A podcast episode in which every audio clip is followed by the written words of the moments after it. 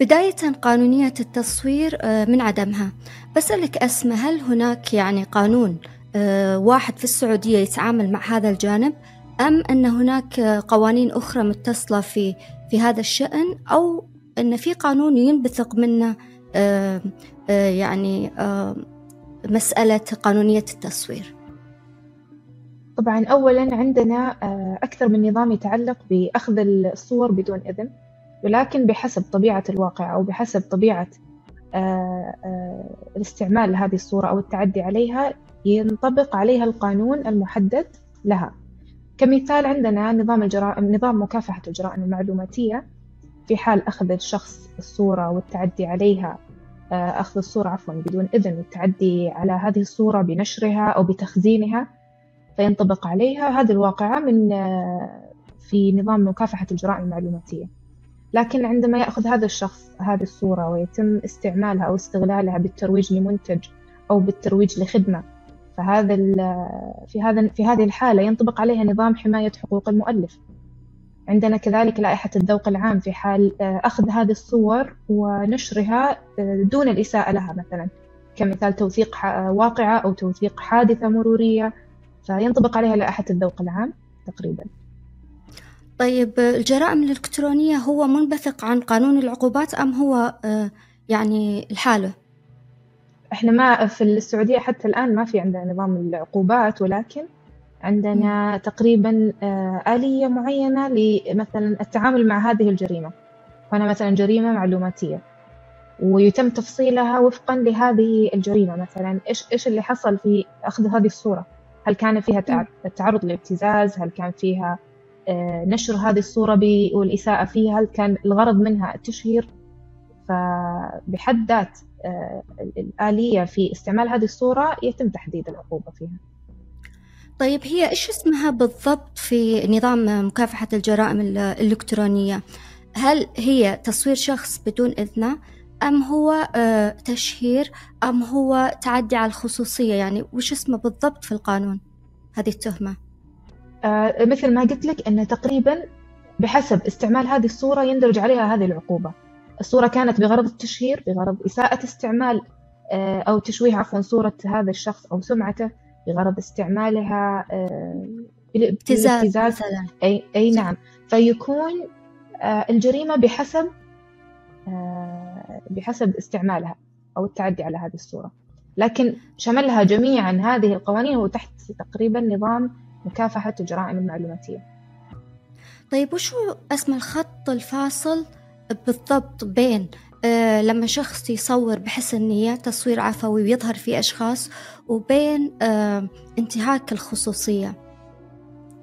الانتهاك الخصوصية من ناحية إذا كان آه التعدي على هذا الشخص بالمساس بحياته الخاصة أو آه يعني التعدي عليه في نشر هذه الصورة. آه، والخط الفاصل بينها وبين التصوير العفوي العام إن الصورة هذه ما تضر آه، أو ما تحدد أو تفصل آه، شخص بعينه أو شخص من ضمن هذه المجموعة. كأن يكون مثلا التصوير يشمل أو أو يتم تصويرها بطريقة غير موحية لهوية الشخص هذا أو مثلا التعدي على حياته الخاصة مثلا من ناحية أنه خارج بنزهة مع عائلته وهكذا. أي شخص تقصدي؟ شخص عادي بسيط ولا شخصية عامة؟ آه، الشخصية العامة أو الشخصية الفردية الطبيعية آه، جميعهم لهم كامل الحماية النظامية آه، بعدم التعدي على حياتهم الخاصة أو التعدي عليهم. فالأصل أنه يتم أخذ هذه الصورة وفق مثلا الشخصية العامة كان خارج آه، لقاء مثلا معين الصورة متاحة باستعمالها ومتاحة بأخذ الإذن فيها ولكن ما يتم التعدي عليه بحياته الخاصة مم. يعني الشخصية العامة مثلا خلينا نقول مسؤولين آه، فنانين لاعبي كرة إعلاميين غيره في بعض الأحيان نشوفهم في يعني أنا شفت قبل فترة مسؤول في أثناء سفرته الخاصة مصورينه وهو يعني يتمشى مع أصدقائه. هل هذا يعتبر تعدي على خصوصيته تصوير بدون إذن؟ أه يعني ما هو في مناسبة رسمية. أي نعم. هذه هذه هذه الصورة الخارجية مثلا ما يتم يعني يتم لما لما تم أخذ هذه الصورة يجب في في ابتداء أنه يتم آه، سؤال هذا الشخص أنه تم تصويره أو تم يعني أخذ موافقته بهذه الصورة. لأن بحد ذات النزهة يعني حق كمكفول للجميع فما يتم التعرض لهم بتصويرهم آه، في حياتهم يعني تعتبر حياة خاصة. أوكي. إذا بنختصر شروط شروط التقاط صورة أو فيديو ممكن وش نقول حق المستمعين والمشاهدين؟ إيش الشروط عشان أنا مثلا أبغى أروح أخذ صورة لشخص معين؟ التصوير حق مكفول للجميع يعني باستطاعة أي فرد. آه، عادي آه، أو شخصية مشهورة بأن يتم أخذ صورة له ولكن الأهم والنظام ألزم فيها أن يتم أخذ موافقة هذا الشخص. فهذا الشرط بحد ذاته هو يعفي الجميع من أن يتم تطبيق عليهم العقوبات المنصوص عليها نظاما شفهي؟ موافقة شفهية؟ موافقة شفهية موافقة مكتوبة. آه، الأصل أن الصورة هذه مثلا مثل ما وضحنا سابقا أن إذا تم نشرها على منصات كبيرة مثلا تحتوي على ملايين المشاهدين بسهولة الوصول لهم. مثلا زي وسائل التواصل الاجتماعي ضرورة أخذ الموافقة لهم سواء موافقة نصية رسالة نصية موافقة كتابية. يعني عندنا جميع الوسائل اللي تكفل حق الجميع بأخذ الموافقة لهم. طيب مدام جيتي على ال social media أنا سمعت قبل آه، فترة على اليوتيوب أحد المحامين يتكلم عن واقعة آه، حصلت في بين أفراد عائلة واحدة يعني الأخو آه، اشتكوا خواته الثنتين بأنه صورهم في زيارة العائلة ونشر صورهم في ال group group الواتساب. فاشتكوا آه، عليه أنه صورهم بدون إذن وأنه ألحق الضرر فيهم يبدو أنه كاتب آه، جملة ساخرة عنهم أو شيء من هذا القبيل. فلما راحت للمحكمة تم يعني ما تم الأخذ بالتهمة لأن قالوا إنه آه، الصورة نشرت في group واتساب العائلة. هل هذا ال group يعني تنتفي فيه تهمة التشهير؟ لأنه هو محدود ما هو يعني زي ال social media فضاء مفتوح. نعم صحيح. التشهير له أركان محددة وله آه خلينا نقول مفاهيم معينة. حتى يتم الأخذ فيها أو مثلا آه يكفل فيها حق الشخص بالمطالبة بالتشهير. ولكن ك group عائلة في الواتساب ما يعني أن عفوا نشر الصورة في group الواتساب لا يعني أن وجد التشهير فيها. فالأكيد أن هذا ال group مثلا كان يحصل فيه كثير من من المزح من السخرية بين بعضهم البعض يعني بطريقة طبيعية بين أفراد العائلة. ففعلا المحاكم لا تنظر في هذه الدعاوى من ناحية أنها عائلية. ما تم فيها تطبيق أركان التشهير أو ما تم تطبيق فيها نظام آه، العقوبات الواردة في نظام مكافحة آه، آه، الجرائم المعلوماتية. شخص صور امرأة منقبة. أوكي؟ بعد ما صورها هي اشتكت أنه صورها بدون إذن. لكن القاضي ما أخذ فيها لأنه قال هي هويتها ما هي واضحة. لأن ما اتضح يعني فعلا أن هذا الشخص هو اللي تم أخذ صورة له؟ نعم بالفعل. هذه الشكاوى بمثل العادة لا يؤخذ بها. يعني لأن الهوية هنا ما اتضحت ما اتضح من هذا الشخص بعينه. طيب يعني أي امرأة ترتدي النقاب ما يحق لها مثلا تشتكي إنه في شخص صورها بدون إذن؟ كثير يتشابهون بالنقاب بالأصل. يعني فما تعرفين تحددين هوية هذا الشخص فعلا. هل هو بالفعل هذه هذه الصورة هي اللي صاحبة اللي صاحبة هذه الشكوى أو لا؟ صعب صعب إثبات الواقع. ممتاز. الحين التشهير لازم إنه التشهير يكون فيه إلحاق ضرر أو فقط يعني شخص صور آخر و... ونشر الصورة في ال social media بس ما لحق فيه ضرر. هل يؤخذ فيه كجرم؟ نعم التشهير مجرد الآن مجرد أخذ الصورة فقط وتخزينها هذه جريمة. فما بالك لما يتم أخذ هذه الصورة ونشرها في, مواس... في مواقع التواصل الاجتماعي أو نشرها بأي طريقة كانت؟ فتم آه، تعريض هذا الشخص للسخرية تم تعريض هذا الشخص لتشويه سمعته آه، أو تم فبركة وتزوير هذه الصورة فبحد ذاتها هذه الجريمة تعتبر من التشهير لا أنا أقصد سواء لحق ضرر لحق, لم يلحق في ضرر. حتى حتى مجرد نشر هذا يعتبر من التشهير مم. طيب في حال ارتكاب جريمة معينة حد مار وشاف سرقة مثلا تمت أو شخص يضرب يعتدي على آخر. صور هذه الواقعة كإثبات واقعة كإثبات فعل وقدمها للجهات المختصة. هل هذا يعتبر يعني مجرم في القانون؟ لا غير صحيح هذا لا يعتبر مجرم. فالأصل أن التصوير لإثبات واقعة آه، وتقديم للجهات المختصة هذا بحد ذاته معاونة ومساعدة لإثبات حقيقة أو لتحقيق آه، نتيجة في التحقيق في جريمة معينة ومحاولة البحث عن من الجاني فيها. لكن التصوير ونشرها بدون تقديمها للجهات المختصة هذه فيها عقوبة. فالأصل أن مساعدة الجهات المختصة بالتصوير في هذه الحالات لا يعني وقوع الجرم. هذا ياخذنا لموضوع الحوادث المرورية أسماء. يعني تمرين تلاقين زحمة في الطريق لما توصلين لنقطة الازدحام آه، تلاقين حادث مروري والناس آه، تصوره. آه، ما يوقف الموضوع عند هذا الحد بل ينشر على السوشيال ميديا. ما موقف القانون في هذا الموضوع؟ القانون نص عليها من ناحية نظام الحماية من جرائم المعلوماتية وعندك كذلك لائحة الذوق العام. بأن يترتب عليها في لائحة الذوق العام حين الأخذ بهذه الصورة أو الفيديو ونشره عبر وسائل التواصل الاجتماعي لا يحقق أي فائدة إلا أنها تكون آه، يعني بث الخوف أو الرعب في آه، أو تعريض الناس اللي عانت في الحادث هذا آه، ووصولها لعائلاتهم بطريقة جدا سيئة. الأصل أن فقط مجرد تصويره لإثبات واقعة هو ال هو ال ينتفي فيها الواقعة الجرمية. ولكن نشرها يعرضها للمساءلة القانونية يعرضها للمخالفات إيقاع المخالفات من ناحية الغرامة المالية ألف ريال تقريبا. فبعد المعاودة والتكرار تكرر عليها المخالفة بألفين ريال. فهذه الجريمة الجهات المختصة هي تتحرك لما تشوف فيديو مثلا حد مصور آه، حدث مروري في ال social media أم الشخص المتضرر لازم أنه هو يقدم الشكوى؟ الاثنين الاثنين. لأن لأصحاب الحق الخ... لأصحاب أو الشخص المتضرر من هذه الصورة يستطيع تقديم آه، شكوى أو دعوة للمطالبة بالحق الخاص. كذلك الجهات المعنية لها الحق بالمطالبة في آه، الحق العام تجاه هذا الشخص. نعم. خلنا ننتقل إلى آه، بيئة العمل. في موظفين ياخذوا راحتهم بزيادة في في في العمل. وهالأمر يعني يصورون. وهالأمر قد ينعكس سلبا حتى على جهة العمل نفسها. ما هي حدود التصوير في بيئة العمل؟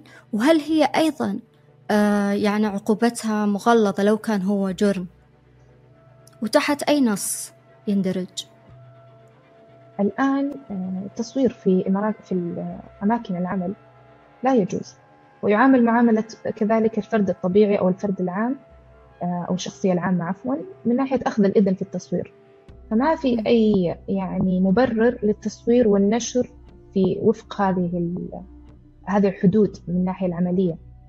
آه، ويطبق عليها بمثل عقوبة الشخص الطبيعي أو الشخص العادي المعتدي على الحياة الحياة الخاصة أو المعتدي على الشخصية العامة. بنشر بتصوير ونشر الصورة وبدون إذن بدون أخذ الإذن فيها طيب هل هذا يعني ينطبق حتى مش على التصوير فقط على مثلا خلينا نقول محاضر الاجتماعات أم يدخل في إفشاء أسرار العمل؟